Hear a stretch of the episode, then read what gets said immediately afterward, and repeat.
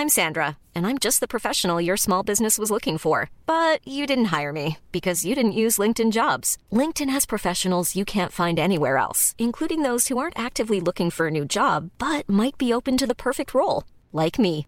In a given month, over 70% of LinkedIn users don't visit other leading job sites. So if you're not looking on LinkedIn, you'll miss out on great candidates like Sandra. Start hiring professionals like a professional. Post your free job on linkedin.com/people today. One size fits all seems like a good idea for clothes until you try them on. Same goes for healthcare. That's why United Healthcare offers flexible, budget friendly coverage for medical, vision, dental, and more. Learn more at uh1.com. Many of us have those stubborn pounds that seem impossible to lose, no matter how good we eat or how hard we work out. My solution is PlushCare. PlushCare is a leading telehealth provider with doctors who are there for you day and night to partner with you in your weight loss journey. They can prescribe FDA-approved weight loss medications like Wagovi and Zepbound for those who qualify. Plus, they accept most insurance plans. To get started, visit plushcare.com slash weight loss. That's plushcare.com slash weight loss. Veckans sponsor är Telia. Hos Telia samlar man mobil, bredband, IT-support, mobilväxel, allt som gör företagande enkelt. Och det är just det här att samla allt på ett ställe, att ha någon att vända sig till när det inte fungerar, det är Telia. Ett exempel på vad som inte är Telia, det är ju som när jag lyckas boka förmötet för en poddinspelning med Finansinspektionen till efter själva inspelningstillfället. Eller när jag här, här året var liksom, fick för mig att jag skulle börja springa, så jag är liksom ute och springer taggad, träffar en kompis som säger så du Jan, på måndag ska jag springa ett lopp. Och jag känner så här, ja men det låter inspirerande, så jag käkar pasta, jag byter om, tar mig ner till Malmö stadion för att göra en efteranmälan, står där i kön och sen så när jag liksom anmäler mig så tittar de på mig och säger så här, du Jan, vårhuset är bara till för kvinnor.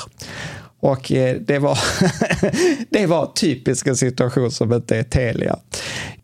Oavsett, ett stort tack till Telia som sponsrar, gör Rika Tillsammans möjligt, men framför allt tack till dig som lyssnar, följer och eh, hänger med oss varje vecka.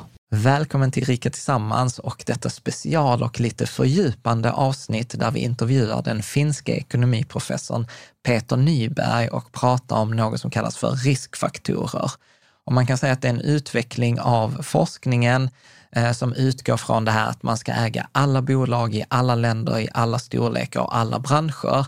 Men där vi tittar på så här, det som man brukar säga att små bolag tenderar att gå bättre än stora bolag. Värdebolag tenderar att gå bättre än tillväxtbolag och liknande. Och här pratar vi så här, är det ett sätt att få en bättre avkastning eller är det att man får, eh, att man tar en högre risk? Och vi får också hans liksom, tankar på var står akademin, hur tänker han själv och liknande. Så jag hoppas att du verkligen kommer att gilla detta avsnitt. Varmt välkommen till Rika Tillsammans-podden som handlar om allt som är roligt med privatekonomi och livet. Varje vecka delar vi med oss av vår livsresa, våra erfarenheter, framgångar och misstag så att du ska kunna göra din ekonomi, ditt sparande och ditt liv lite rikare. Vi som driver denna podden heter Caroline och Jan Holmesson. Innan vi kör igång eh, så behöver jag säga två saker. Det första är att eftersom vi pratar om sparande så är det viktigt att säga att detta är ingen finansiell rådgivning. Allt sparande innebär en risk. Man kan förlora hela eller delar av sitt eh, kapital och historisk avkastning är inte en garanti för framtida avkastning, något vi pratar om här. Och trots detta som vi pratar om här med riskfaktorer etc. så är det inte en rekommendation att springa och göra om hela portföljen. För precis som vi hoppas att det framkommer i avsnittet så är detta ingen silverkula, utan i vissa avseenden så tar man förmodligen en högre risk. I andra fall så kanske man får vänta 10, 15, 20, 25 år på att få den högre avkastningen. Så jag vill bara vara tydlig med det innan man kör igång, för det är lätt att bli entusiastisk, särskilt när man lyssnar på, på Peter. Och det andra som också är bra att veta innan vi kör igång, i detta avsnittet så har jag eh, inte med mig Caroline, utan jag har Jussu Rantasalo från Rikt Tillsammans-communityn som är insatt i det här med faktorer. Han har varit med och pratat i avsnittet så här, sluta tänk som investerare utan börja tänk som en förmögenhetsförvaltare. Det är han som har gjort den här checklistan kring total return approach, hur man kan tänka som ett alternativ till fyra hinkar-principen. och det är han som också ordnade intervjun tillsammans med Peter. Så att då vet du vem är Jussu som också är med i det här eh, avsnittet. Så att jag tänker att då kör vi igång. Varmt välkommen Peter Nyberg. Du är ju professor i finansiell ekonomi vid Aalto universitet i Helsingfors. Du har blivit utnämnd till årets lärare flera gånger. Du har fått utmärkelse som så här topp fem bästa studier av AQR. Du hjälper professionella investerare och du skriver artiklar och har publicerat egna vetenskapliga artiklar då om bland annat förväntad avkastning. Så varmt välkommen! Tack så mycket! Jag, jag hade inte förväntat mig att jag skulle få så här mycket liksom, positiva kommentarer innan till en början, men att jag tackar. Ja, men det, det, vi, jag kan säga så att vi är hemskt glada att du tar dig tiden och ställer upp. Det var länge sedan jag i forumet sa så här, oh, vi ska intervjua en professor här, eh, Peter, om faktorer och, och forumet bara, ja, det har jag sett fram emot. Du måste ställa de här frågorna så att det är ett engagerande ämne. Men, mm. men jag tänker så här Peter, allt universitet, är det typ för oss som är i Sverige, är det som Handelshögskolan i Helsingfors? Det är i princip ju just det att tidigare så hette vi Helsingfors handelshögskola och sen blev vi en del av Aalto universitet. Och ja. Det är liksom berättelse, men det är som Handels, ju, Svenska Handels i princip. Ja. Eller, eller Hanken som vi säger i Finland. Hanken, jo. Precis.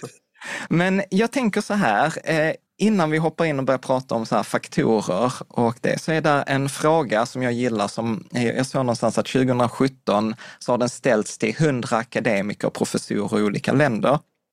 Och den lyder så här, så jag tänker du ska få samma fråga. Generellt sett, utan att ha tillgång till insiderinformation, kan en investerare förvänta sig bättre resultat från att äga en väldiversifierad, billig passiv indexfond snarare än att äga en koncentrerad fåtal eller koncentrerad portfölj av ett fåtal enskilda aktier. Håller du med eller håller du inte med? Vad tänker du? Hmm. Okej, okay jag måste väl inta min roll som en pedantisk dammig professor. Det kommer att få ett långt svar med några motfrågor. Så tyvärr, jag sitter i min office så att jag, jag Ja, men det är helt okej. Okay. Det är helt okej. Okay. Just det. Uh, så okej, okay, ställa då en motfråga. Vad menar du med ett bättre resultat? Och om vi får lite gå in på det där så vi talar om förväntade avkastning och förväntas liksom se ett bättre resultat. Om man talar förväntningar så då antar vi att vi talar om den osäkra framtiden, inte sant, där vad som helst kan hända. Och det innebär ju då risk liksom samtidigt. Och då så just talar om den förväntade avkastningen, vilken avkastning vi kan förvänta oss att investering har i framtiden. Eftersom om ett år till exempel har gått så då vet vi okay, att det där utfallet, avkastningen som faktiskt då, då kommer att få kan det vara nästan vad som helst. Det finns en spridning där. Och det spridning är kring det här väntevärdet, förväntade avkastningen. Okej, okay, så då vill du tala om väntad avkastning så måste, och hur bra liksom man klarar sig förväntningsmässigt måste vi också ta den här risken i beaktande. Hur stor risk är där? Och då när jag tänker liksom på det här att okay, förväntas klara sig bättre så tänker jag ofta ja, liksom, den här frågeställningen från en sån här riskförväntad avkastningssynvinkel att borde optimera avkastningen så hög som möjligt, den förväntade avkastningen och minimera risken. Och när jag alltså tänker på det här på det här sättet så skulle jag svara att okej, okay, att för en genomsnittlig investerare utan någon insiderinformation och sånt så är det väl nästan självklart att det lönar sig att ha en väl diversifierad portfölj istället för att bara investera i ett ental aktier. Jag måste faktiskt säga här också, tala lite om empiri här. Det här kommer säkert som överraskning åt många, eller kanske ni har talat om det här podden redan tidigare, men att om vi tittar till exempel på USAs aktiemarknader, titta hela liksom långa historien, låt oss börja från 1926 då det här bra datamaterialet börjar och kommer liksom fram till nutiden. Så faktum är det att bara sådär 50 procent, eller kanske vi säger på det här sättet att över 50 procent av aktierna i USA har åstadkommit negativa liksom livslånga avkastningar åt investerare. Om du alltså räknar den här totala kumulativa avkastningen från börsintroduktionen av den aktien till antingen det att aktien har försvunnit från börsen eller till nuläget och fortfarande kvar, så bara 50 procent har haft positiva avkastningar. Och när jag tittar på samma siffror från Sverige till exempel så är det väl så att, väntas nu, uh, det är ja, omkring så att 55 procent av aktierna från 1990 till nu, nu dagen har det lyckats ge positiva avkastningar till investerare.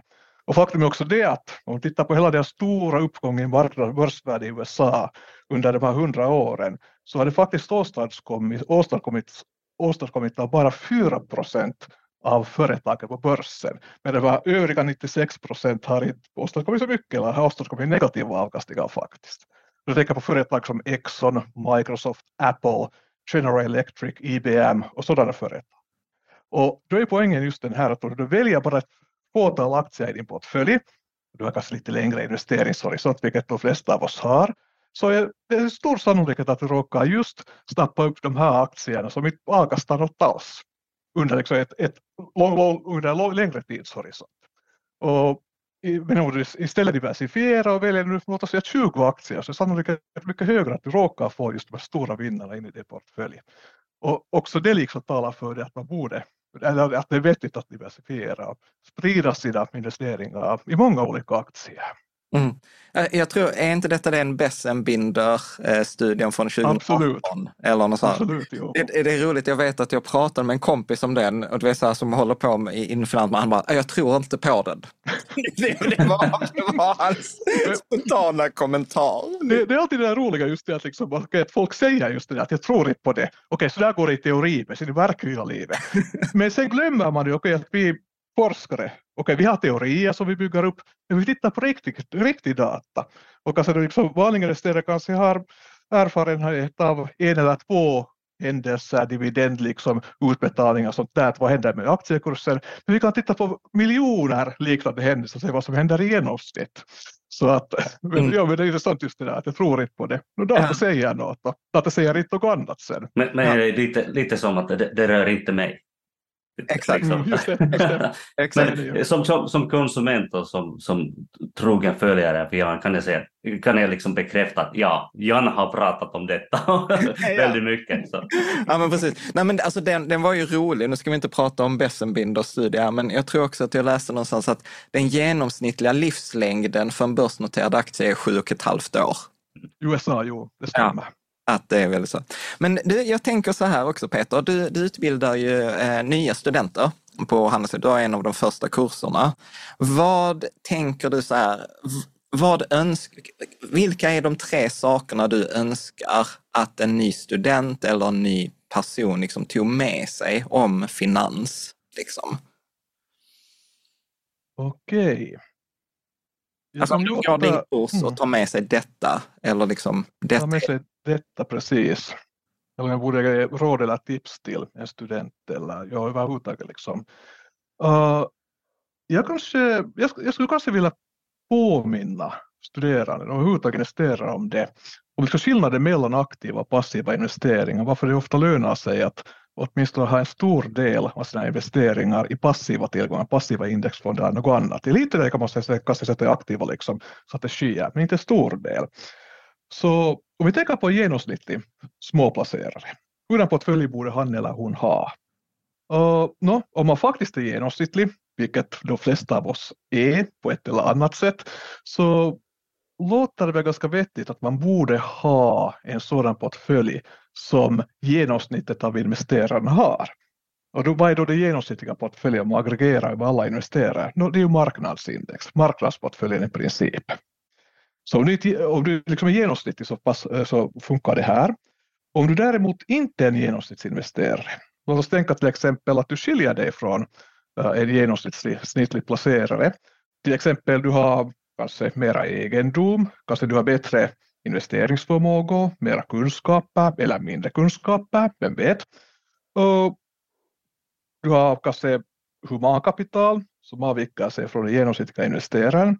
Så då kan det kanske löna sig att gå lite bortåt från det här marknadsindexet, bygga lite annorlunda portfölj, för då är du inte genomsnittlig investerare mera.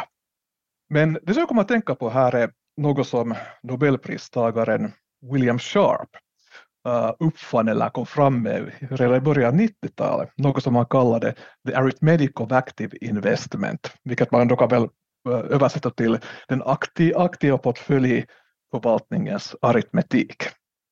Och vi kan ta den här logiken snabbt här så kan vi sedan återgå till, eller gå till, tillbaka till andra ämnen sen.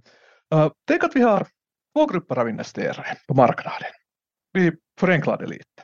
Okay, vi har passiva investerare som håller en marknadsportfölj eller ett marknadsindex, fond, och aktiva investerare som sen gör ja, vad som helst vad de gör. Alla, alla har kanske sina egna aktiva strategier där, men att de är aktiva och försöker liksom klå marknaden på något sätt. Okej, okay, låt oss också tänka att marknadsavkastningen det här året har varit 10 procent.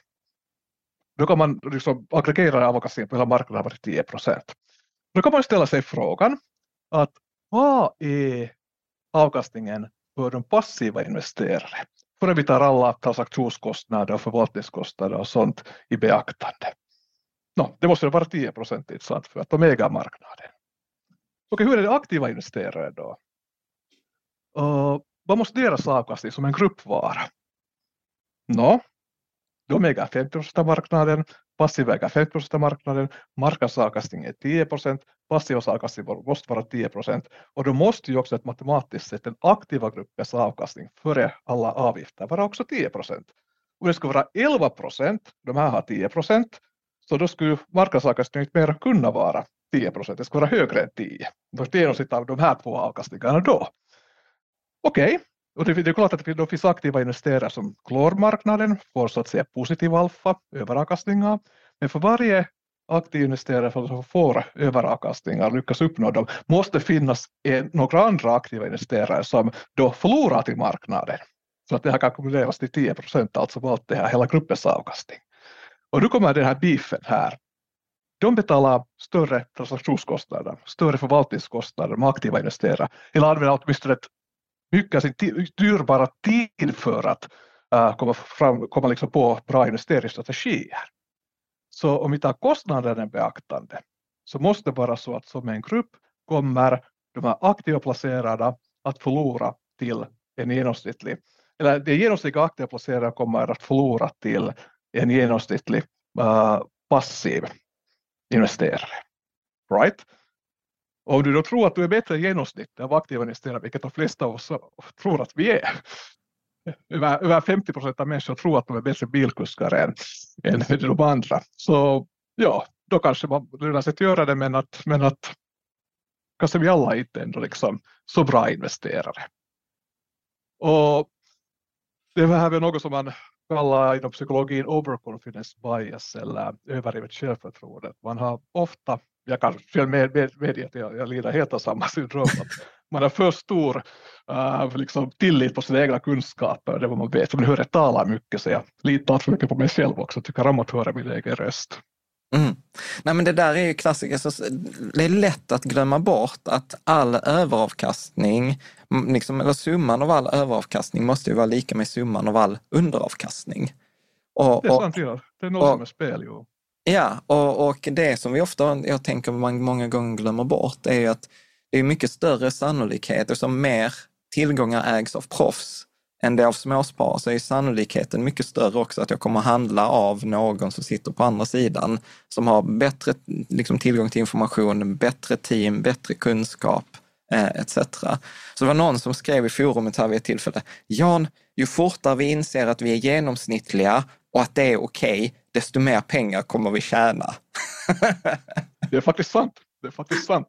Det där, uh, största liksom, lättaste sättet att förlora pengar är att ha de här, att man liksom uh, beter sig enligt sina egna psykologiska missförstånd och sånt. Mm. Och en annan sak som du tog upp där är ju att om du har hittat liksom en bra aktie som du tycker är undervärderad då kan du fråga dig, okej, okay, vem säljer den åt mig? Vem är på andra sidan av det här liksom köp? Är det Goldman Sachs eller någon annan? Varför vill de sälja det just nu? Mm. Så det är en bra fråga. Ja, men exakt, exakt. Jag lyssnade på en, en, en intervju med, med din nära kollega Vesa Fottonen. Jag, jag, vill ställa samma fråga som, som ställdes till Vesa och det är liksom Professor Petter Nyberg, är marknaderna effektiva? Oj, oj, oj, oj. Problemet är väl det att, igen, jag återkommer, återgår till vad jag sa tidigare, att frågan är inte så enkel, man borde definiera vad man menar med effektiva marknader. Uh, det är ju klart att de inte är fullt effektiva. Det vet alla, jag tror att nästan alla forskare nu för tiden uh, är nog av samma åsikt. Uh, de är nog mycket effektiva, men om marknaderna skulle vara 100% effektiva så skulle det inte löna sig för någon att skaffa information. Right? För att man kan inte göra några övervinster. All informationen finns i priserna redan, så why care about it? Men sen om folk faktiskt beter sig på det här sättet och alla tror att marknaden är effektiv så kommer informationen inte mer att synas i priserna eftersom ingen samlar den där informationen och priset på aktiebasis på basis av det. Och då kommer marknadseffektiviteten igen att minska.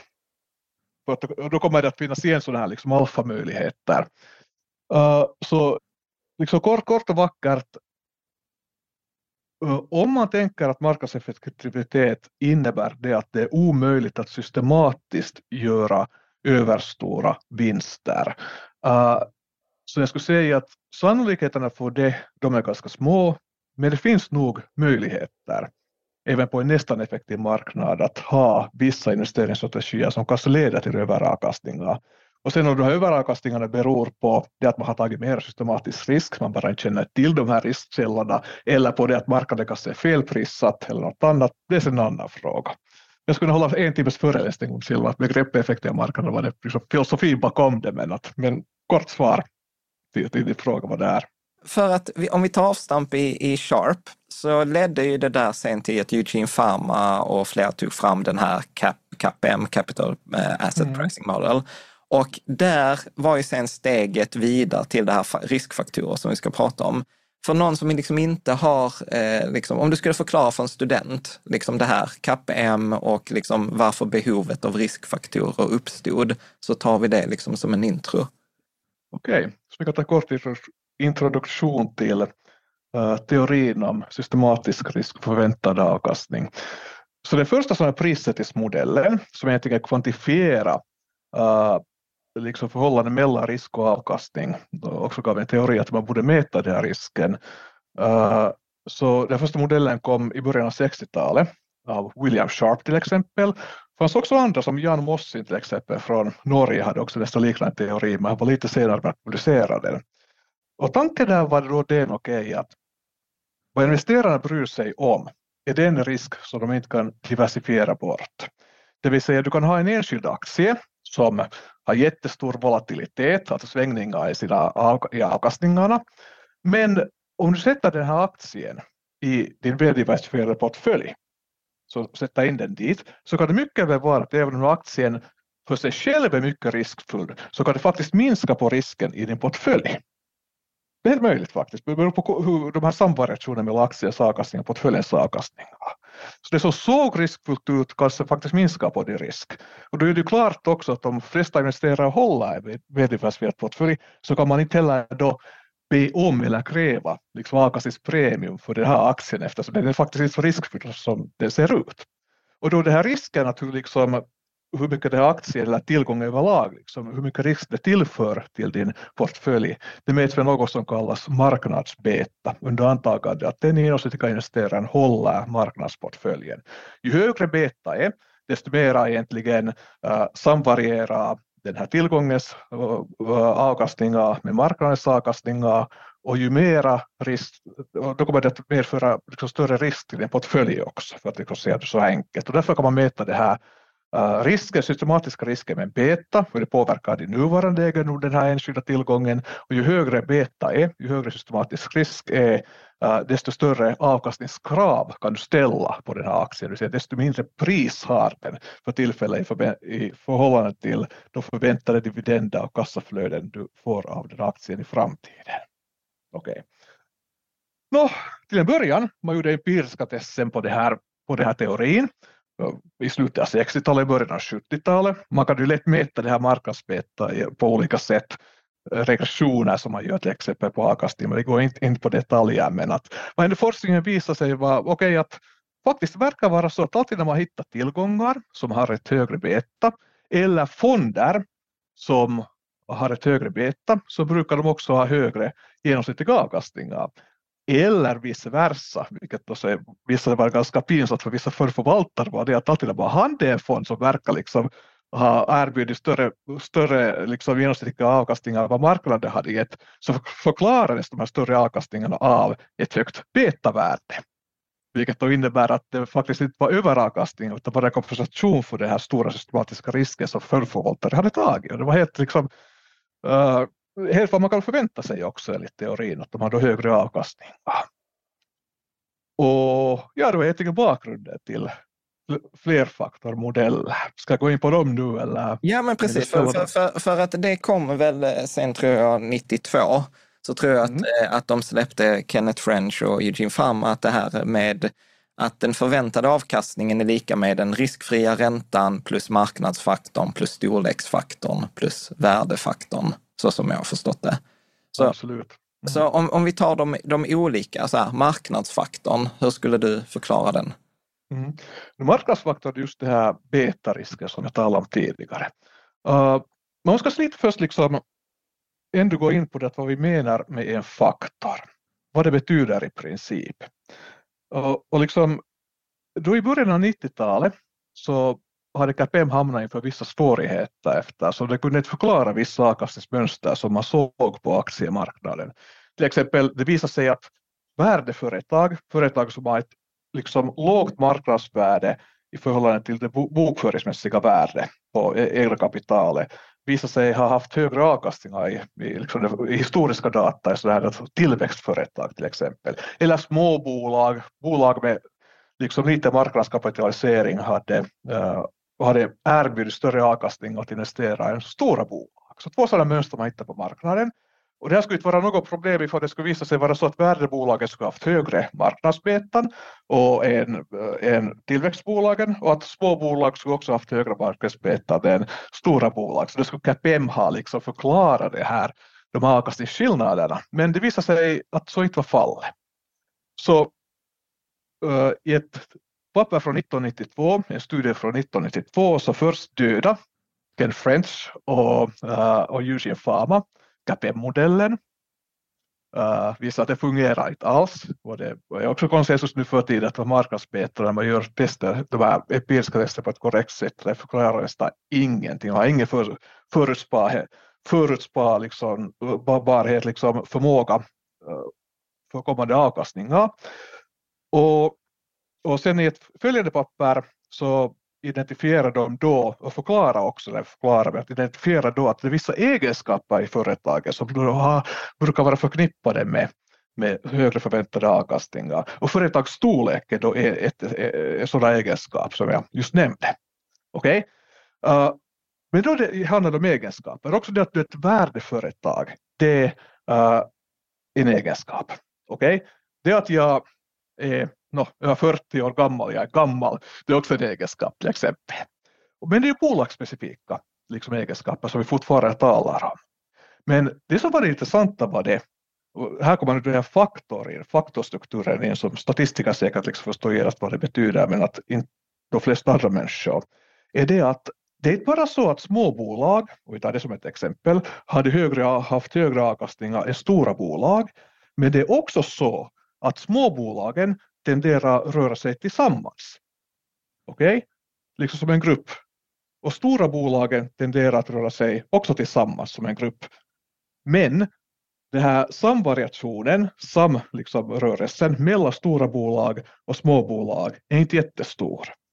Åtminstone om man tar liksom den här marknadsfaktorn liksom, bort från den här analysen. Men, men, men okej.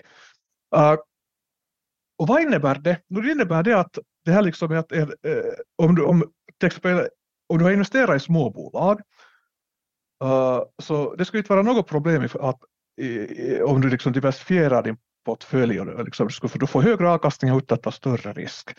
Men den samvariationen leder till det att när ett småbolag klarar sig dåligt, har låga avkastningar, negativa avkastningar, är det mycket sannolikt att många, många andra småbolag också har dåliga avkastningar under den månaden.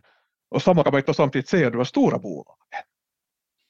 Och så egentligen det här med liksom marknad, eh, storlek, värde, liksom egenskapen, alla sådana här saker. Så de är inte egentligen företagsspecifika liksom, drivare för större avkastningar, utan det handlar alltid om, liksom, de är gruppspecifika saker. Och här kommer då den här faktorn in.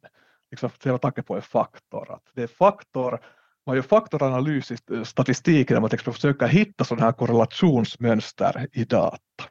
Det är vad det betyder, men, men för mm. de flesta räcker det att säga okej okay, att när vi talar om liksom värdefaktor så betyder det att värdeföretag har haft högre avkastningar än tillväxtföretag, åtminstone för gångna data, också det att värdeföretagen rör sig ihop och de här tillväxtföretagen rör sig också ihop som en grupp.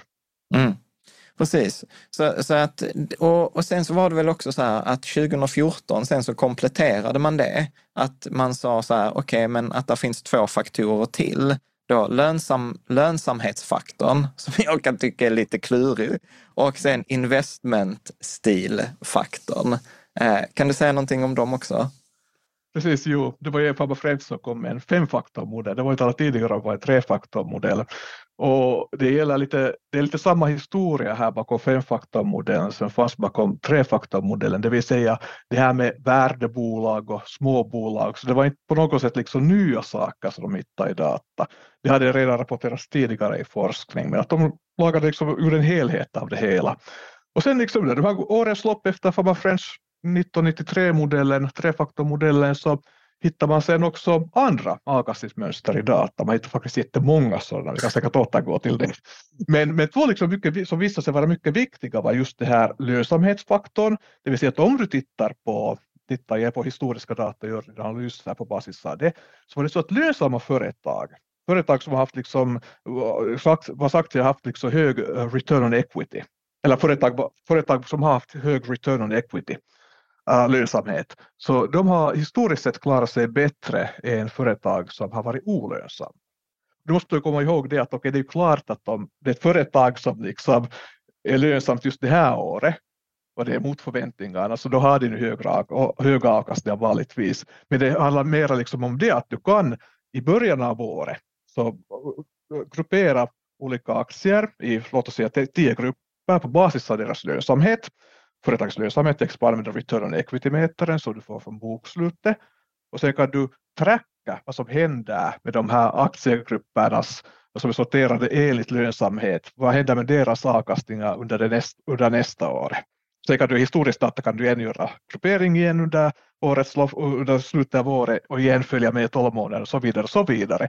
Och då märker du just okay, att lönsamma företag har avkastat bättre än, än icke lönsamma företag. Ja, liksom, lönsamhet som mäts före man mäter avkastningen. Det är en viktig poäng här. Och samma sak, en annan sak som, det kanske inte låter så konstigt för de flesta människor, det där. Eh, men men, men det kanske det konstiga är det att när man tittar på investeringar så det fanns ett sånt här, en undersökning var det som publicerades år 2006 kanske om jag kommer rätt ihåg, som tittar på asset growth, det vill säga hur balansen Uh, liksom sista, sista siffran på balansräkningen, hur den förändras från år till år. Det finns då företag som har vuxit mycket, gjort stora investeringar, balansen liksom stiger uh, i, i värde, bokföringsmässiga värde. Och det finns också företag som kanske har liksom, liksom, uh, blivit mindre. Att liksom sista, sista talet i balansräkningen har total assets, alla tillgångar har, liksom, har minskat. Och vad den här studien visar ganska tydligt tycker jag är det att företag som expanderar mycket, så investerar mycket, de har mycket låga avkastningar i framtiden. Så hög investeringstakt förutspår låga avkastningar i framtiden. Vad beror det på? Det kan bero till exempel på det att, okay, att kanske du har någon CEO där och styrelsens och styrelsen som vill liksom expandera eh, liksom deras, äh, deras företag och bli masters of the universe. De gör mycket olönsamma investeringar för att tänka kanske okay, att tillväxt, uh, liksom, tillväxt är alltid bra även om det är dåligt för aktieägarna om man förstår pengar på det sättet. Så det kan handla om empire building, det finns också rationella förklaringar till det här men att men mönstret ändå det här att om du väljer att investera i något lite nu förenklade så lönar sig kanske inte vilja de företagen som har investerat jättemycket under det föregående året. Mm.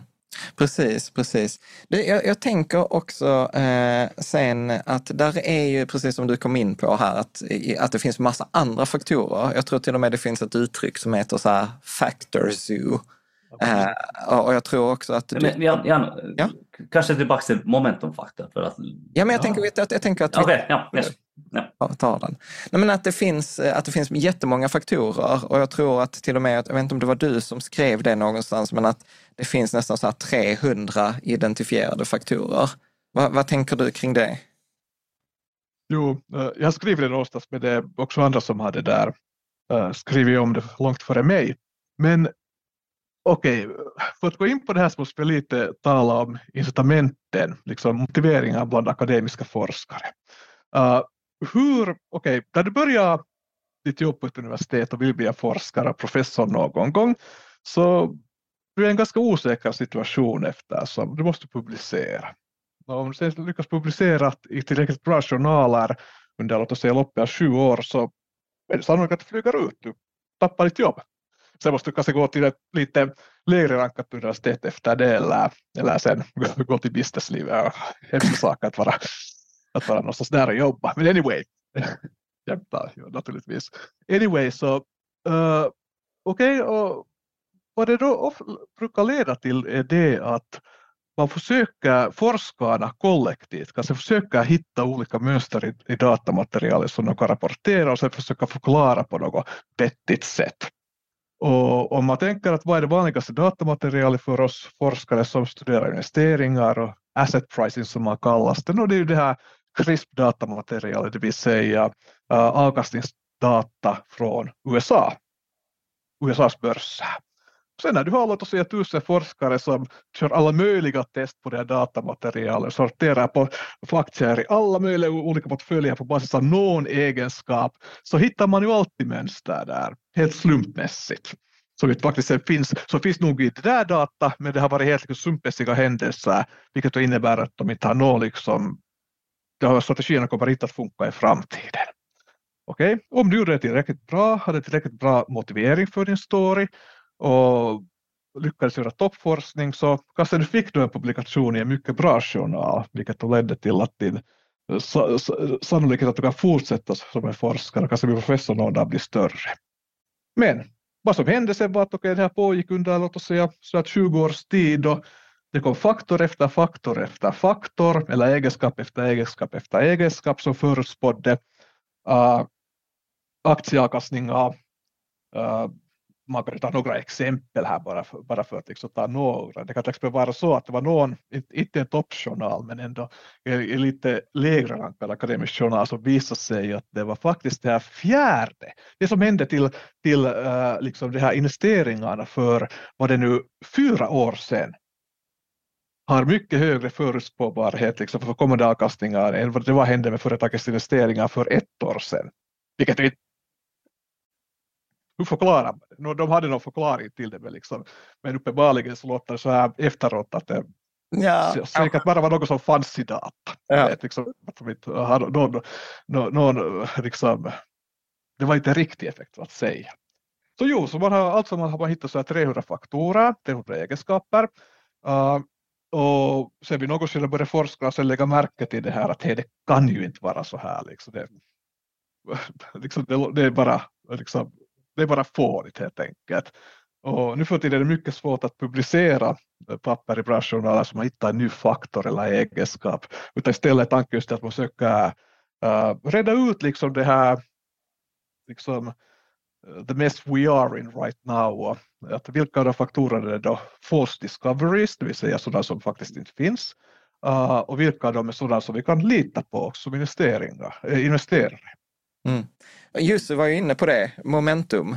Det är väl som... Nej, men vill, vill, vill, du säga något om, om, om momentum? För att, liksom, jag tror att det, det är något som, som är väldigt intress, intressant för många, för många på forumet.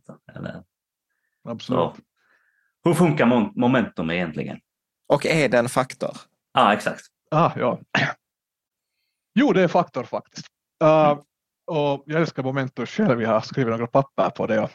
Det, det, det, är fascinerande. För det är så enkelt, det borde inte fungera, men det fungerar. Uh, inte alltid, men, att, men att i det stora hela. Mm. Så vi säger okej, okay, vi tar aktier som ett exempel igen.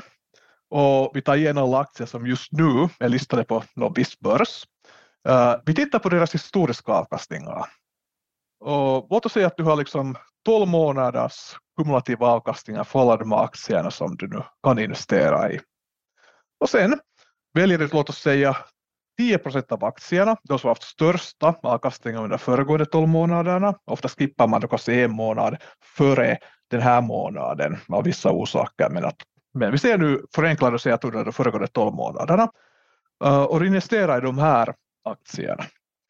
Och sen om du är en hedgefond eller du har bra möjlighet att ta korta positioner, heter den blanka på svenska, vad det nu heter, så, det där så, så kan du också sen ta en sån här kortposition i de företagen, aktierna som har klarat sig sämst under de föregående 12 månaderna. Vad som kommer i genomsnitt att hända, historisk data och inte bara i aktier utan i flera, flera olika tillgångsklasser, på tillgångsklasser och i flera, flera olika börser är det att de här aktier som har klarat sig bra, tillgångar som klarar sig bra i det nära förflutna fortsätter att avkasta bättre än de som har klarat sig dåligt under de föregående 12 månaderna. Och det här är då momentum att liksom det, här, det här liksom fortsätter bara de här prisrörelserna antingen uppåt uh, eller sen relativt sett neråt. Det innebär ju inte att vinnarna alltid har positiva avkastningar eller att vinnarna alltid förlor, vinner de här tidigare förlorarna. Men så det kan vara till exempel att båda har negativa avkastningar om, liksom, om marknaden avkastar negativt. Men vi talar om avkastningsskillnaderna mellan de här grupperna som liksom är viktiga där. Är det en faktor? Absolut, det är en faktor. Uh, hur vet vi det? Nu det finns statistiska test för det, men vi kan ju också göra så här mera intuitiva iakttagelser. Uh, har ni hört om momentum crashes någon gång? Yep. Nej. Okej, okay, då, då, är det bra. Då, kan, då lär du dig också något nytt fast du vet allt vad jag talar om redan nu från tidigare. Det, där så, uh, det finns vissa sådana här eh, situationer i historien då momentum har slutat fungera. Uh, och då är sån här long short momentumstrategi har faktiskt kunnat avkasta till exempel minus 90 procent på en enda månad i själva verket under några dagars tid. Vilket då innebär att om du har en sån strategi, du har lång och kort position och du inte lyckas bli av med de här korta positionerna så you're busted basically mm. efter det. Vad beror det här på? Nå, om man tittar då noggrannare på de här momentum crashes så det är inte så att de här tidigare vinnarna ska plötsligt börja tappa i, i värde utan det är så att de här tidigare förlorarna de börjar plötsligt öka i värde mycket. Och när vi då talar om den här momentumstrategin, en avkastningsskillnad mellan de två grupperna så är det plötsligt så att tidigare förlorarna har plötsligt mycket, mycket högre avkastningar än tidigare vinnarna. Och det är här som du har den korta positionen, vilket då innebär att när den här positionen stiger i värde så gör du förluster. Och, och det är en faktor därför att det här skulle inte vara något problem om, en, om du håller 100 förlorare i din portfölj nu, i korta position, short position. Om en eller två av dem ska hoppa upp i värde, okej okay, det kan diversifieras bort, men de hoppar upp i värde som en grupp, alla de här, nu inte kanske alla 100 aktier som du har i din portfölj med, en stor del av den, de, åtminstone till den graden att det påverkar portföljens avkastning till en stor, stor grad. Och det här just också den här risken som alltid är förknippad med faktorstrategier, att du kan inte diversifiera bort den här risken, att momentum faktiskt är en riskfylld strategi eftersom, eftersom eh, det är inte så att du, även om du liksom då investerar i tusen vinnare och tusen förlorare, så du har faktiskt bara en investering, det är momentum som du investerar i. Uh, och en annan sak är också det att okay, det finns momentum, uh, inte bara bland aktier som jag nämnde, utan det finns till exempel i olika länders aktiemarknadsindex. Du kan investera i de länderna som har haft bra, liksom vars aktiemarknader har, har presterat bra, bra under det föregående året och kanske då ta en kort position i sådana länder vars aktiemarknader har presterat dåligt under det föregående året. Du hittar det här i valutor, du hittar det här i uh, obligationer, fixed income. Eh, uh, nästan var som helst du tittar, också liksom i råvaror, uh, futures och sånt där. Uh, så momentum funkar i alla, alla de här liksom, näst, nästan var som helst. Inte alltid som sagt. Uh, reader be, be, beware eller mm. podcast listener beware, men genomsnitt. Nej, men... men po poängen är så att alla de här liksom momentumvinsterna är högt korrelerade med varandra. När momentum funkar bra på aktiemarknaden fungerar den bra annanstans också. När momentum plötsligt slutar fungera på en viss del av marknaden, i en viss värdepappersklass, så slutar det ofta fungera sen i andra platser också. Vilket innebär att det är en systematisk effekt som man kan nappa upp med momentum, som man nappar upp med momentumstrategi här. Jo, så förlåt, jag avbröt dig just. Nej, nej, fantastiskt, men liksom, det här är jätteintressant för nu, nu pratar vi inte särskilt om egenskaper eller siffror och tal och eh, resultat av dessa bolag, utan det här är mycket om, om beteende.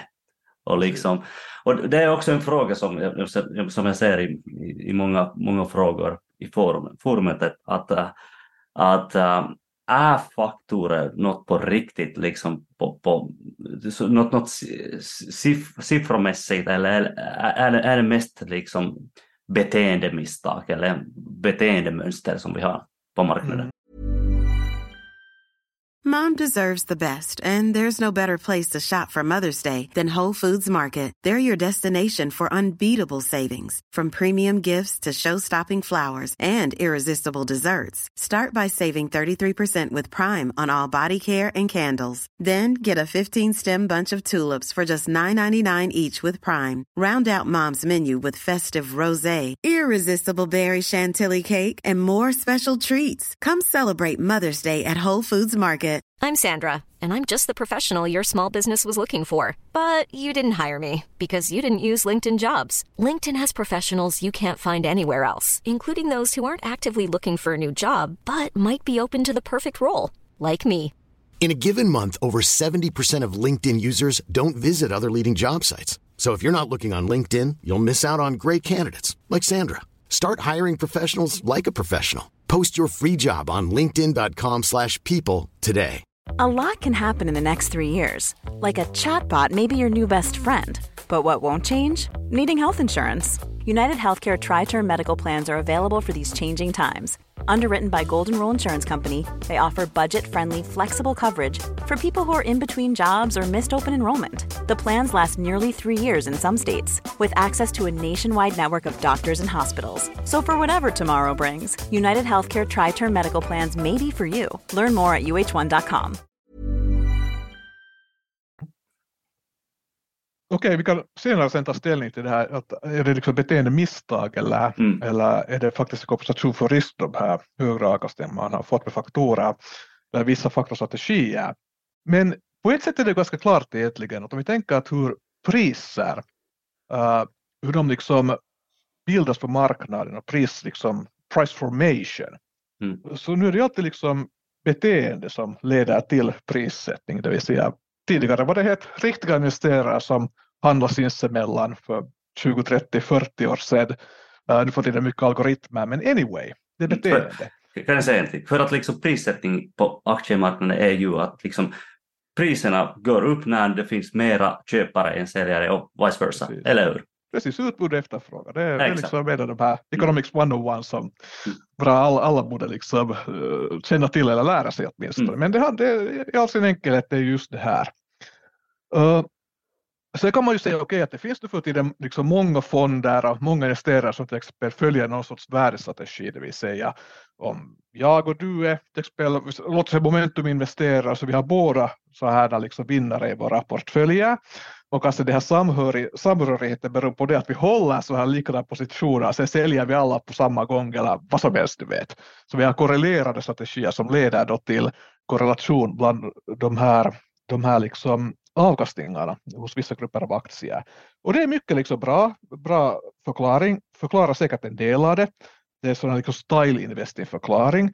Men problemet är bara det att momentum har funnits i data helt jättelänge. Vi kan gå tillbaka till 1800-talet, faktiskt 1700-talet, liksom, med gamla sådana datakällor och hitta momentum där också. Och då var det inte så vanligt att folk liksom betedde sig på det här sättet. Liksom lika systematiskt och följde sådana stilstrategier. Så förklaringen kanske funkar i viss mån, kunna, kunna fungera liksom, om man, liksom, i nutiden, men faktum att det fanns de här effekterna redan mycket tidigare uh, liksom, så leder oss till att tänka att kanske det inte hela storyn ändå bakom det. Jag, jag, tänker också att vi ska, alltså så den uppenbara frågan när man sitter här eh, och lyssnar, så tänker jag så här, Men eh, ett, kan man, kan man stacka de här faktorerna?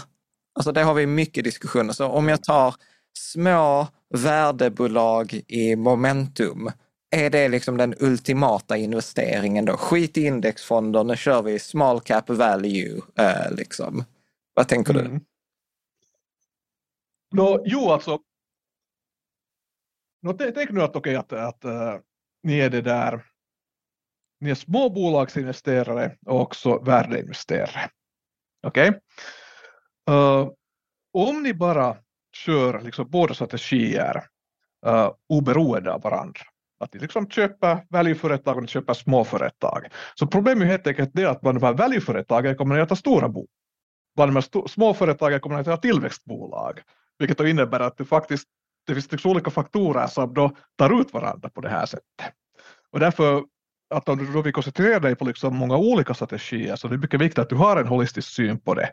Och du räknar liksom för varje företag du köper in i din portfölj, du liksom kollar, okej, okay, var ligger det på det här liksom storleksskalan, eh, var ligger det i det här liksom värde, på värdeskalan och momentumskala och så vidare. Så vidare.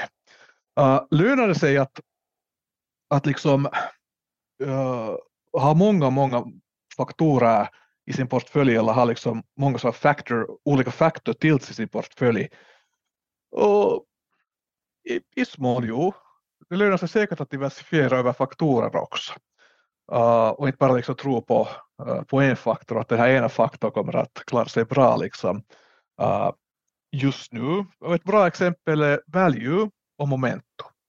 Det finns faktiskt en ne nästan negativ korrelation mellan deras avkastningar. Så båda har i det förflutna avkastat positivt, det är jätte, jättebra för en portfölj. Men det visar sig också vara så att då när value slutar fungera under ett visst år så brukar momentum ha höga avkastningar. Och då när momentum slutar fungera så är det ofta så att value har kanske lite högre avkastningar. Så i genomsnitt får du kanske lite högre avkastning än vad du skulle få från marknadsindexet. Men liksom det här enskilda risken i value och momentum uh, blir mindre eftersom du kan på ett visst sätt liksom hedga uh, mot den här risken genom, genom de här liksom, uh, under antagandet av korrelationen, negativ korrelationen uh, i framtiden också. Det, också, det byts också över tiden den här korrelationen men, att, men i allmänhet jo. Men kan, kan man då, kan man då för, för det kommer ju bli nästa fråga, så, men då är det ju bara att byta när värde slutar funka, mm. så byter man till momentum. Och du vet, så här, många av oss, du vet, när man var ny på mm. aktier så tänkte man så här, ja men marknads, alltså så här, det, liksom, jag kan tajma, det är bara köp billigt, sälj dyrt. Men det är på gränsen till omöjligt, har vi pratat om innan. Kan man tajma de här, de här faktorerna då? Jo, äh, var inte svaret på frågan, men, men så liksom, jag utbrast jo. Det där, och sen klipper det just här liksom. Jo, okej. Okay. Exakt börjar sälja sig någon fond som gör det.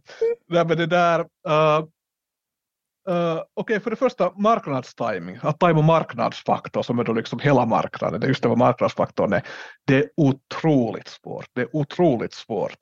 Uh, om vi tittar på fonder, om vi tittar på enskilda investerare, vi har ju data över deras liksom beteende också, köp och sälj, som, säljorder som de ger. Uh, alltså ingen, egentligen ingen lyckas med det systematiskt. Uh, det är bara så. Stockpicking eller factor picking, men kanske stockpicking också verkar fungera i viss mån. Liksom, helt liksom bara en viss del av investerare, bara en viss del av fondmanagers. Uh, eh, men timing funkar inte. Men däremot, uh, och det är ju ganska nytt forskningsfält ännu det här liksom factor timing, men det verkar finnas vissa belägg för det, att det är kanske lite lättare att tajma faktorer, liksom andra faktorer, än vad det är att tajma den här marknadsfaktorn. Uh, men Svårt. Who knows? Eller, eller kanske, kanske svaret är ja, man kan i efterhand. det är just det. det, är just det. Jag, jag, jag vinner alltid på Lotto i efterhand. exakt. Men jag tänker två frågor också. Här, för det var en fråga från skogen. Så här. Till exempel också när vi pratar stora små bolag så var det också så här, han skrev så här, men till exempel små svenska, finska bolag, eller så här, stora svenska och finska bolag är i ett globalt sammanhang jämfört med till exempel Apple små bolag. Så är, finns det någon liksom skala där man ska liksom titta på så att man inte tittar, men detta är ett storbolag i Sverige. Ja, fast sorry, internationellt så är det ett småbolag. Så att, kan man gå fel där? Det där är en jättebra fråga. Uh, det är en empirisk fråga, men vi kan borde titta på data och studera det där. Uh, jo, det är sant att om du har global strategi så okej, okay, vi tänker, tänka på, två olika sätt, på två olika sätt. Och marknaderna är liksom inte alls integrerade med varandra. Då är det klart att de här liksom strategierna, ifall de liksom funkar, så borde fungera just inom ett land alltid. Att det är små bolag och stora bolag inom ett land. Men när marknadsintegrationen ökar så händer just det där vad du säger, att för investerare som kan investera överallt i världen så stora svenska bolag eller stora finska bolag, vi tar, vi tar Finland som ett exempel, uh, så får vi inte se något, något liksom finlandssvenskar uh, så, det där, så, så de är ju småbolag i liksom internationell jämförelse, så det är allmänt sett. Mm. Och det kan mycket väl vara att, att liksom de här faktoravkastningsskillnaderna är större om du då skulle ta liksom faktiskt globalt stora företag och globalt liksom mindre företag än om du skulle ta stora och små företag inom en enskild liten börs. Uh, så mycket möjligt, jag tror att det liksom har liksom ökat under årets lopp också det här att det liksom är globalt man borde titta på den här saken. Men jag vet inte faktiskt, det är en empirisk fråga, men samma sak kan du tänka dig till exempel i USA. Uh, om du tänker på en börs som Nasdaq, där det finns mycket, liksom, det finns stora företag där, jo, men att uh, de flesta bolagen är ändå ganska små. Sen har du New York Stock Exchange där liksom kanske genomsnittliga bolagsstorlekar är större. Så hur funkar det där sen? Om du tar bara inom NYSE, gör en sån storleksstrategi eller inom Nasdaq eller sen så att du lägger alla aktier ihop och liksom gör du får ju mera spridning nog i storleken om du, om du gör det här liksom genom att använda alla börser. Jag tror att det också står kanske mera bakom det här också, att ju större spridning du har i de här egenskaperna så desto högre potentiella uh, faktoravkastningar kan du få. Mm. Finland och Sverige, de är ju liksom kantmarknader där. Alltså, mm. Marknaderna till, till vilka liksom, uh, storinvesterare, internationella storinvesterare kommer sist och säljer först. Och liksom, kan det också vara en faktor framöver i forskningen? Eller har någon ja. forskat det? Mm. Jo, jo alltså, det, det, det, det där stämmer helt, speciellt vad gäller Finland. Alltså, vi har ju, mm. Jag kommer inte ihåg det, 100 företag, lite över 100 företag just nu på mm. huvudlistan på börsen. Och då är det ju klart att om du gör en faktorstrategi bara här så den är nog ganska dåligt diversifierad ändå. Mm. Så du väljer 10 procent av de största bolagen och 10 procent av de minsta bolagen så du har bara omkring 10 bolag liksom i båda grupperna. Och det, mm. ja, ja, precis.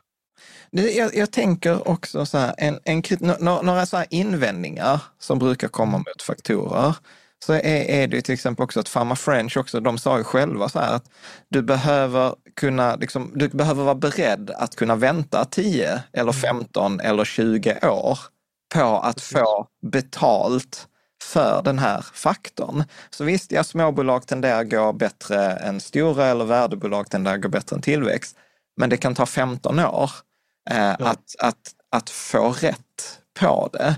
Så, och då tänker jag så här, är det då värt för mig att investera eller introducerar jag liksom en beteenderisk för att det är liksom så här, jag, hur ska jag sitta och hålla någonting i tio år som går ner, går ner eller går sämre, går sämre och går sämre för att sen tjäna in det? Alltså förstår du vad, vad jag... jag förstår fullständigt, jo. Och just vad gäller företagsstorleken så det är en stor fråga att finns det faktiskt kvar fortfarande eftersom det verkar ha försvunnit mycket efter liksom 80-talet faktiskt. Uh, Okej, om man lite tvistar på data och tittar lite noggrannare i det så finns det nog där, men att det är inte bara att företagets storlek då, men en viss sorts småbolag man då borde titta på. Men anyway, jo, det där stämmer helt. Uh, det kan ta länge uh, och det här liksom tyder ju på det att de här faktorstrategierna, liksom, att de är ju riskfyllda strategier. Det vill säga, och då innebär det ju det att att liksom, kanske den förväntade avkastningen är högre för, vissa, för bolag med vissa egenskaper. Men då är det bara förväntningar och förväntningarna över liksom långa tidshorisonter. Och eftersom det ingår risk i de här faktorstrategierna så betyder det helt enkelt att det kan vara liksom många år då, då liksom de här vissa bolagen presterar sämre än sina motparter. Samma gäller marknadsinvesteringar också. Det finns kan vara helt, ganska långa tidsperioder. Tittar du på Japan till exempel då marknaden inte har kastat nästan något Uh, men om du inte har liksom en, det här, det här problemet är kanske lite större att om du har liksom sådana här long short strategier där du faktiskt uh, gör sådana bets på att de här företagen företagsgruppen vinner den här företagsgruppen, för då får du faktiskt negativa avkastningar ifall du har fel. Men om du nu har liksom en long only portfolio där du bara tar liksom långa positioner och köper aktier in i din portfölj, så den allra viktigaste faktorn som påverkar det att förlorar du pengar eller vinner du pengar är ju marknadsfaktorn. Så man kan tänka sig, okej, okay, att om, om kanske liksom det här, låt oss säga, value-effekten eller storlekseffekten bland lite större bolag, value-effekten bland lite större bolag som man kan lätt kan investera i, är kanske 2-3 procent per år i genomsnitt. Så det att du sen kanske förlorar till marknaderna, äh, låt oss säga 2 procent i genomsnitt där de nästa fem åren, men sen under längre tidshorisont så vinner du omkring med 2 procent. Så det kanske inte så illa ändå. Så det innebär ju inte att förlora pengar genom att investera. Det är bara att man får sämre avkastning än per Precis, precis. Ja. Sen är det alltid att vad är jämförelseindex, vad jämför du det avkastning mot? Vilket är den här frågan som man alltid borde, borde ställa, att är det marknadsavkastning, men vad är marknadsavkastning? Är det din kompis liksom, portföljsavkastning? Det är inte något sätt att göra det, att jämföra sådana här, men, att, men att det är ju en annan fråga. Sen, eller internationellt index eller något annat. Mm. Jo, det är så att man måste, man måste ha tålamod.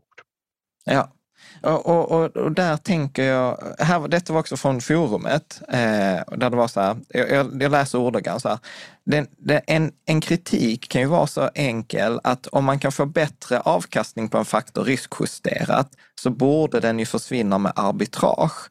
Att om man accepterar faktorer så kan man lika gärna acceptera aktiv förvaltning och överavkastning. Mm. Vad tänker du? Det här det här går, då går vi tillbaka där, till det att, okay, att vad förklarar de här faktorpremierna? Vad förklarar det att värdeföretag har historiskt sett vunnit tillväxtföretag? det finns ju två sådana breda förklaringar till det hela. Ena är det att det handlar om liksom eh, marknadsmisstag och och felprissättning. Att kanske det är så att tillväxtbolagen är sådana som folk blir mycket upphetsade över och liksom prissätter dem så högt att i det långa loppet kommer deras värde att sjunka. Medan värdebolag, det är ganska sådana här ah, boringbolag som man inte lite glömda bry sig om. Lite glömda bolag och sådär, så att hey, who cares, att kanske min farfar skulle en gång i tiden ha kunnat köpa det, men inte jag. Uh, och ja, de är glömda bolag på det här sättet därför de kanske är undervärderade. Men ifall marknaden är på något sätt rationella så brukar felprissättningen försvinna över tiden och det här leder då till det att värde vinner tillväxt under längre tidshorisont. Det är den ena berättelsen och det, handlar, och det där är just det att okej, okay, att om det handlar om en sån, om det är sån här situationen, då ska man nog tycka sig att marknadskrafterna borde liksom redan nu, om folk är medvetna om liksom det här, borde redan nu liksom korrigera det rakt att det inte uppstår sådana värde liksom avkastningsskillnader i framtiden. Priserna mycket snabbare går till sin rätta nivå. Om det däremot är en riskpremie, om det är så att värdeföretag på något sätt är mer riskfyllda än tillväxtbolagen, och det finns faktiskt vissa, liksom, uh, vissa liksom teorier och empiri som visar att så faktiskt kan vara fallet, för att ofta om det kommer liksom downturn i ekonomin och sånt så det är ofta de här värdeföretagen som inte lätt kan skala ner sin verksamhet. De är så liksom osmidiga så de kommer att slås mycket högre eller påverkas liksom mer av den här nedgången. Uh, vilket då är dåligt för att investera givetvis. Men om det är en riskkompensation så då borde det också finnas kvar eftersom det finns en orsak att alla inte vill investera i värdeföretag. Och kom också ihåg en annan viktig sak är det här att om vi har en grupp av investerare, vi återgår till det vi jag sa tidigare, som som uh, överväger värdeföretag i sina portföljer så måste finnas en annan grupp som överväger tillväxtföretag, underväger värdeföretag. Alla kan inte vara värdeinvesterare, alla kan inte vara momentuminvesterare heller. Det är alltid en motpart. Det måste liksom egentligen över och undervikterna uh, i de här företagen som i sina portföljer måste liksom summera till noll mm. över liksom marknadsvikterna. Mm. Uh, kring marknadsvikterna. Uh, och ja, det är just det där att, att är det risk eller är det, är det, är det risk eller är det felprissättning? Ja. Om, det är, om det faktiskt felprissättning så kan det vara att argumentet är sant att ifall man då börjar investera i det här så borde då får de här mönstren försvinna. Ja. Uh, och, och, där tänker jag också få ett Alec fråga här då. Så vad anser Peter är viktigast? Är det, eller så här, det blir alltid så svårt, värderingsbäst, men är det att ha en så bred diversifiering som möjligt, alltså att fånga en så stor del av marknadsfaktorn, eller att exponera sig mot flera av de här eh, riskfaktorerna? Yes. Uh, igen för att vara lite filosofisk. Den genomsnittliga investeraren håller mark. Så de genomsnittliga investerare har inte sådana här, liksom, överväger inte värdeföretag eller överväger tillväxtföretag. Uh, men kanske för några investerare kan det vara helt vettigt då att till exempel till och med överväga tillväxtföretag, även om vi, även om vi tror på att värdeföretagen avkastar mera. För ifall, man måste komma ihåg att det viktigaste tillgången de flesta av oss har, åtminstone de som är unga, kanske jag är en ung jag också, men, att, men, att, men relativt sett, men, men åtminstone för liksom de som är yngre än jag, det är ju humankapital. Ditt eget humankapital, det är det viktigaste tillgången. Det är faktiskt att investera i det och inte kanske i, i aktier alltid så mycket. Det, de tar ju, det är ju liksom så här, äh, tar ju inte bort varandra de här, man kan investera i båda, men anyway. Så om man då fast jobbar eller studerar i en bransch där det är mycket sannolikt att man kommer då att jobba i, liksom i, i en sån industri som en tillväxtindustri. Så det kanske inte lönar sig att eller för, så, inom värdeindustrin, vi säger på det sättet, okej, okay, att på gamla bolag och sånt, så då kanske det lönar sig inte att överväga värdebolag i sin portfölj. Eftersom, vad händer om det går, gå dåligt för värdebolagen så går det inte bara dåligt för dina investeringar, du kommer kanske också att förlora ditt jobb, etc. etc när företaget du har grundat etiker då så går bast liksom du förlorar dina pengar på det sättet. Då kanske det lönar sig att kanske överväga lite mera tillväxtföretag. Och då, är det, då har du inte en lika riskfylld position och då är det kanske färdigt också att ta lite, genomsnitt lite mindre avkastningar på din portfölj under antagandet att det finns ett värdepremium uh, som liksom en kompensation för det här att du har en mindre riskfylld position. Men sådär överlag liksom att uh, fortfarande, om vi tänker, tänker efter på det här sättet, så oberoende av vilka faktorer man, liksom, liksom, vilka faktorer man satsar på, så är det där marknadsfaktorn fortfarande spelar en mycket, mycket viktig roll ifall du inte kan ta korta positioner. Uh, så jag tror att liksom valet mellan bara marknaden och liksom faktorer uh, är, är inte liksom så, den är inte så klara, det är inte svartvitt eftersom alla faktorstrategier också har den där marknadsdelen med mm. sig. Mm. Precis, för att det blir ju något sätt också frågan som, som Mattias här liksom ställer, så här, ska, ska man exponera sig mot faktorer? Mm. Och, och där, om jag får citera dig i en artikel som du skrev, så skriver du så här, mitt konservativa råd till en genomsnittlig aktiesparare är att inte fästa för allt för stor vikt vid försöken att optimera förväntad avkastning och det gäller speciellt vid lång tidshorisont. Istället lönar det sig att vara så passiv som möjligt och med tiden skapa en allt mer väldiversifierad placeringsportfölj, antingen direkt eller via breda kostnadseffektiva fonder. Jag vet att det låter bekant och tråkigt, men det finns en stor sanning i att de bästa strategierna är nästan alltid tråkiga, även i ljuset av senaste forskning. Mm, mm. Vad tänker du? Jag skrev det säkert för några år sedan så uh, jag tror inte att mina tankar har så mycket liksom, uh, förändrats från det där. Igen för en genomsnittlig investerare, det stämmer. Uh, men däremot, däremot kan vi tänka oss också på det sättet att att det är också det att investering måste vara roligt. Okay, det, handlar liksom, det handlar om stora pengar givetvis. Och som jag själv gör, att jag har en passiv komponent i min portfölj som är mycket, mycket stor. Och nu talar vi passivt, talar vi då bara okej, okay, jag har liksom, jag, jag tycker själv att faktorstrategierna är ganska passiva, men att vi tänker att de inte är så passiva, okej. Okay.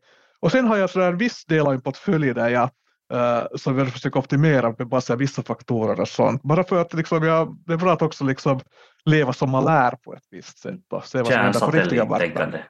Eller? Satellit, precis, det är just det. Det är just det, vilket också småinvesterare borde, småplacerare borde också liksom ta mer i beaktande. Att, att liksom tänka på att man har olika delar av sin portfölj. En passiv del och sen en aktiv del och inte tänka att allt är aktivt.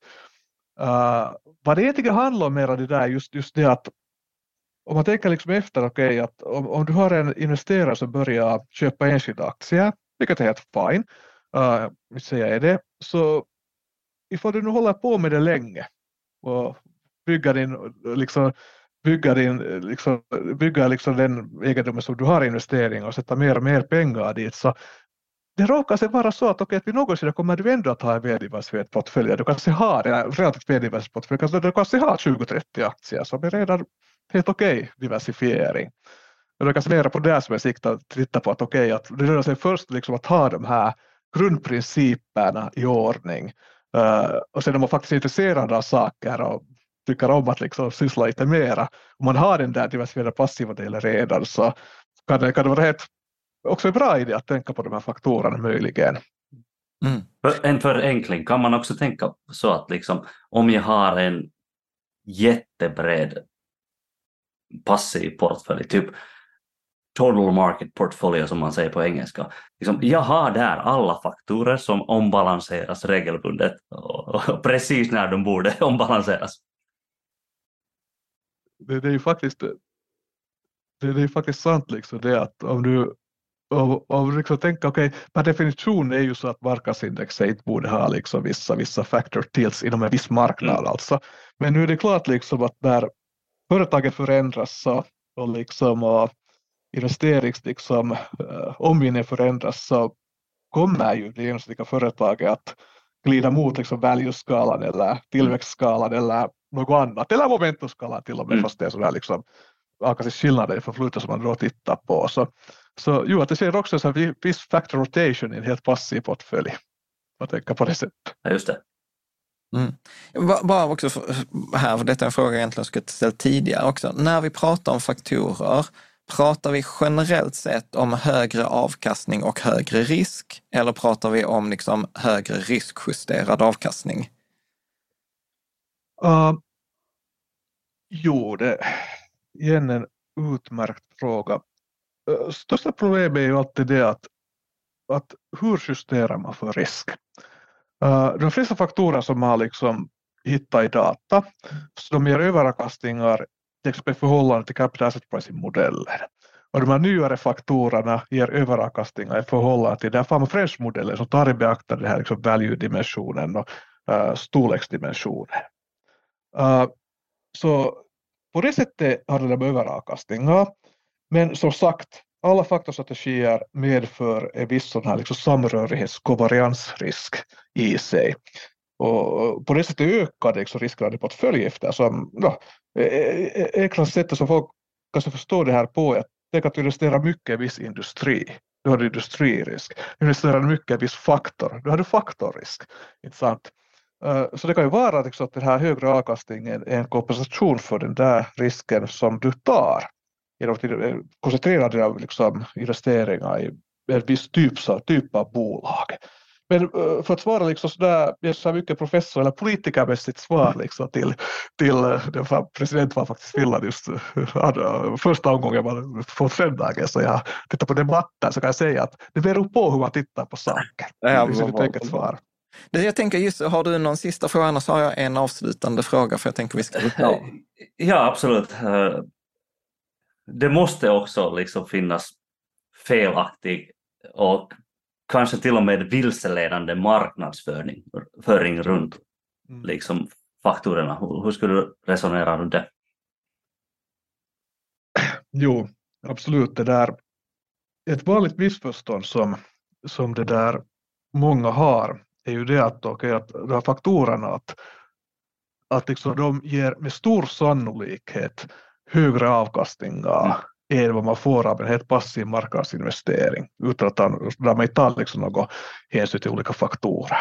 Och det är ju inte fallet. Uh, men uh, de riskfyllda strategier, uh, det är möjligt att du kan få en högre genomsnittlig avkastning i det långa loppet om du investerar enligt vissa faktorprinciper.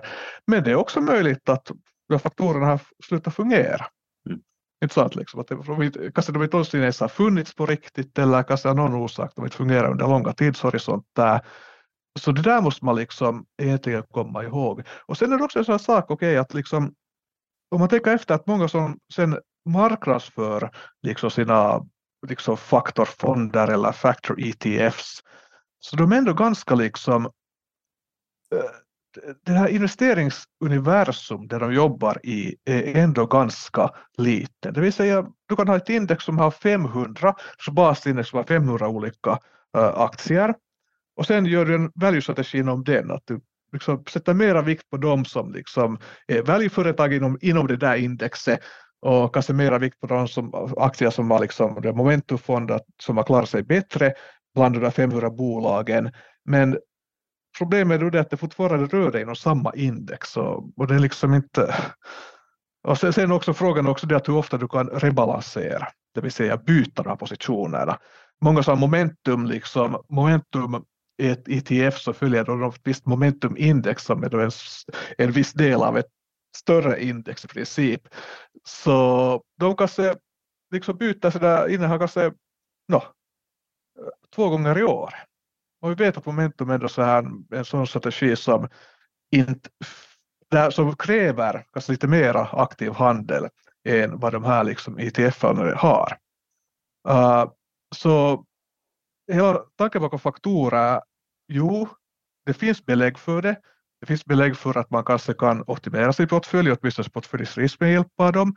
Det är klart att de påverkar varje, varje diversifierad portföljs avkastning Uh, men se att kunna faktiskt liksom, på engelska säger man harvest the factor premiums. Så det tar kunskap. Det tar också en jättebra portföljförvaltare för att kunna göra det. Och det är inte bara så att någon typ bara ger sig in och försöker erbjuda det åt sina kunder utan det krävs mycket mer till det också. Så summa summarum, bara att någon liksom erbjuder någon faktorstrategi åt dig så behöver det inte betyda att det nödvändigtvis är den är, är liksom att du får faktiskt det vad du, vad du liksom betalar för. Och jag tror det liksom får. Mm, precis. Det, jag, jag tänker så här Peter, alltså det har gått en och en halv timme, jag tycker det går fort när man har roligt. Vi har inte ens kommit in på, på dina egna artiklar, så jag får hoppas att vi kanske får komma tillbaka och få prata om de artiklar du skrivit om så här return seasonalities eller så här, do you really know your own cost of capital etc. Men jag tänker en avslutande fråga som, som vi alltid brukar ställa, det är så här, vad är det sämsta rådet som du har stött på i finansbranschen? Oj, oj, oj, oj. uh, kanske ett sånt råd är att, okej, okay, du behöver, ja, två, två egentligen, jag måste yeah. ta två här. Kanske första är att du behöver inte bry dig om liksom förlusterna eftersom det är bara paper losses. Så länge som du inte likviderar den här liksom, eller säljer bort de aktier så har du inte gjort förlust alls efter. Så bara på papper. Och det är ju helt fel tänkesätt efter. Så det är riktiga pengar vi talar om, en del av egendomen som är helt, liksom rikt, har riktigt värde.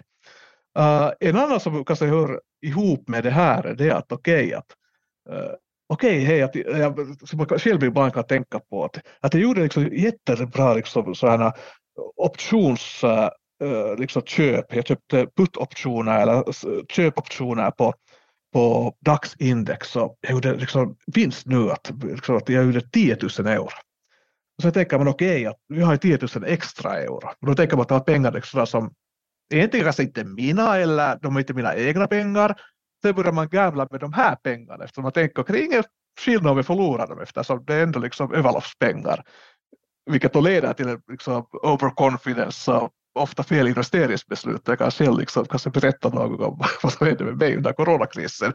Med options, liksom, liksom optionhandel. Men, men eh, också där liksom fel tänkesätt, okej, okay, för det, det, är fortfarande det är dina pengar. Om du förlorar sen 5 000 och 10 000 euro eller du förlorar hela 10 000 euro som du har vunnit tidigare, så du har förlorat 10 000 euro som var dina pengar.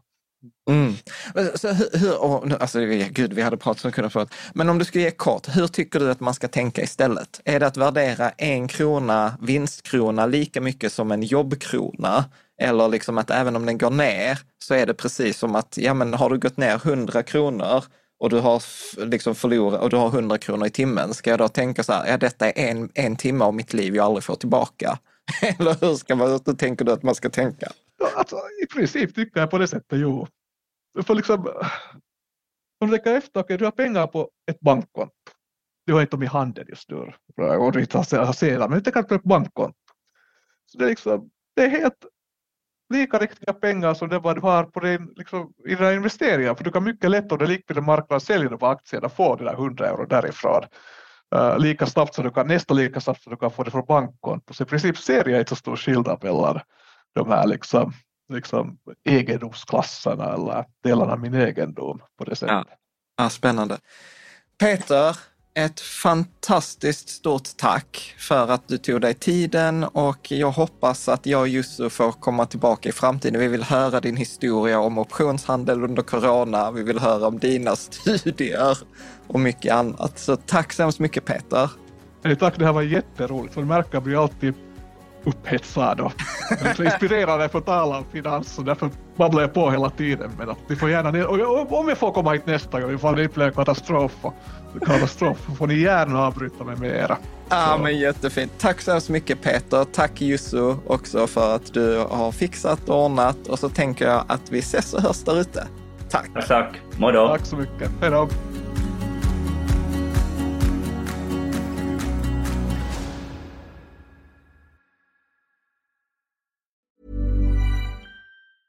Mom deserves the best, and there's no better place to shop for Mother's Day than Whole Foods Market. They're your destination for unbeatable savings, from premium gifts to show-stopping flowers and irresistible desserts. Start by saving 33% with Prime on all body care and candles. Then get a 15-stem bunch of tulips for just $9.99 each with Prime. Round out Mom's menu with festive rosé, irresistible berry chantilly cake, and more special treats. Come celebrate Mother's Day at Whole Foods Market. Mom deserves the best, and there's no better place to shop for Mother's Day than Whole Foods Market. They're your destination for unbeatable savings, from premium gifts to show-stopping flowers and irresistible desserts. Start by saving 33% with Prime on all body care and candles. Then get a 15-stem bunch of tulips for just $9.99 each with Prime. Round out Mom's menu with festive rosé, irresistible berry chantilly cake, and more special treats. Come celebrate Mother's Day at Whole Foods Market.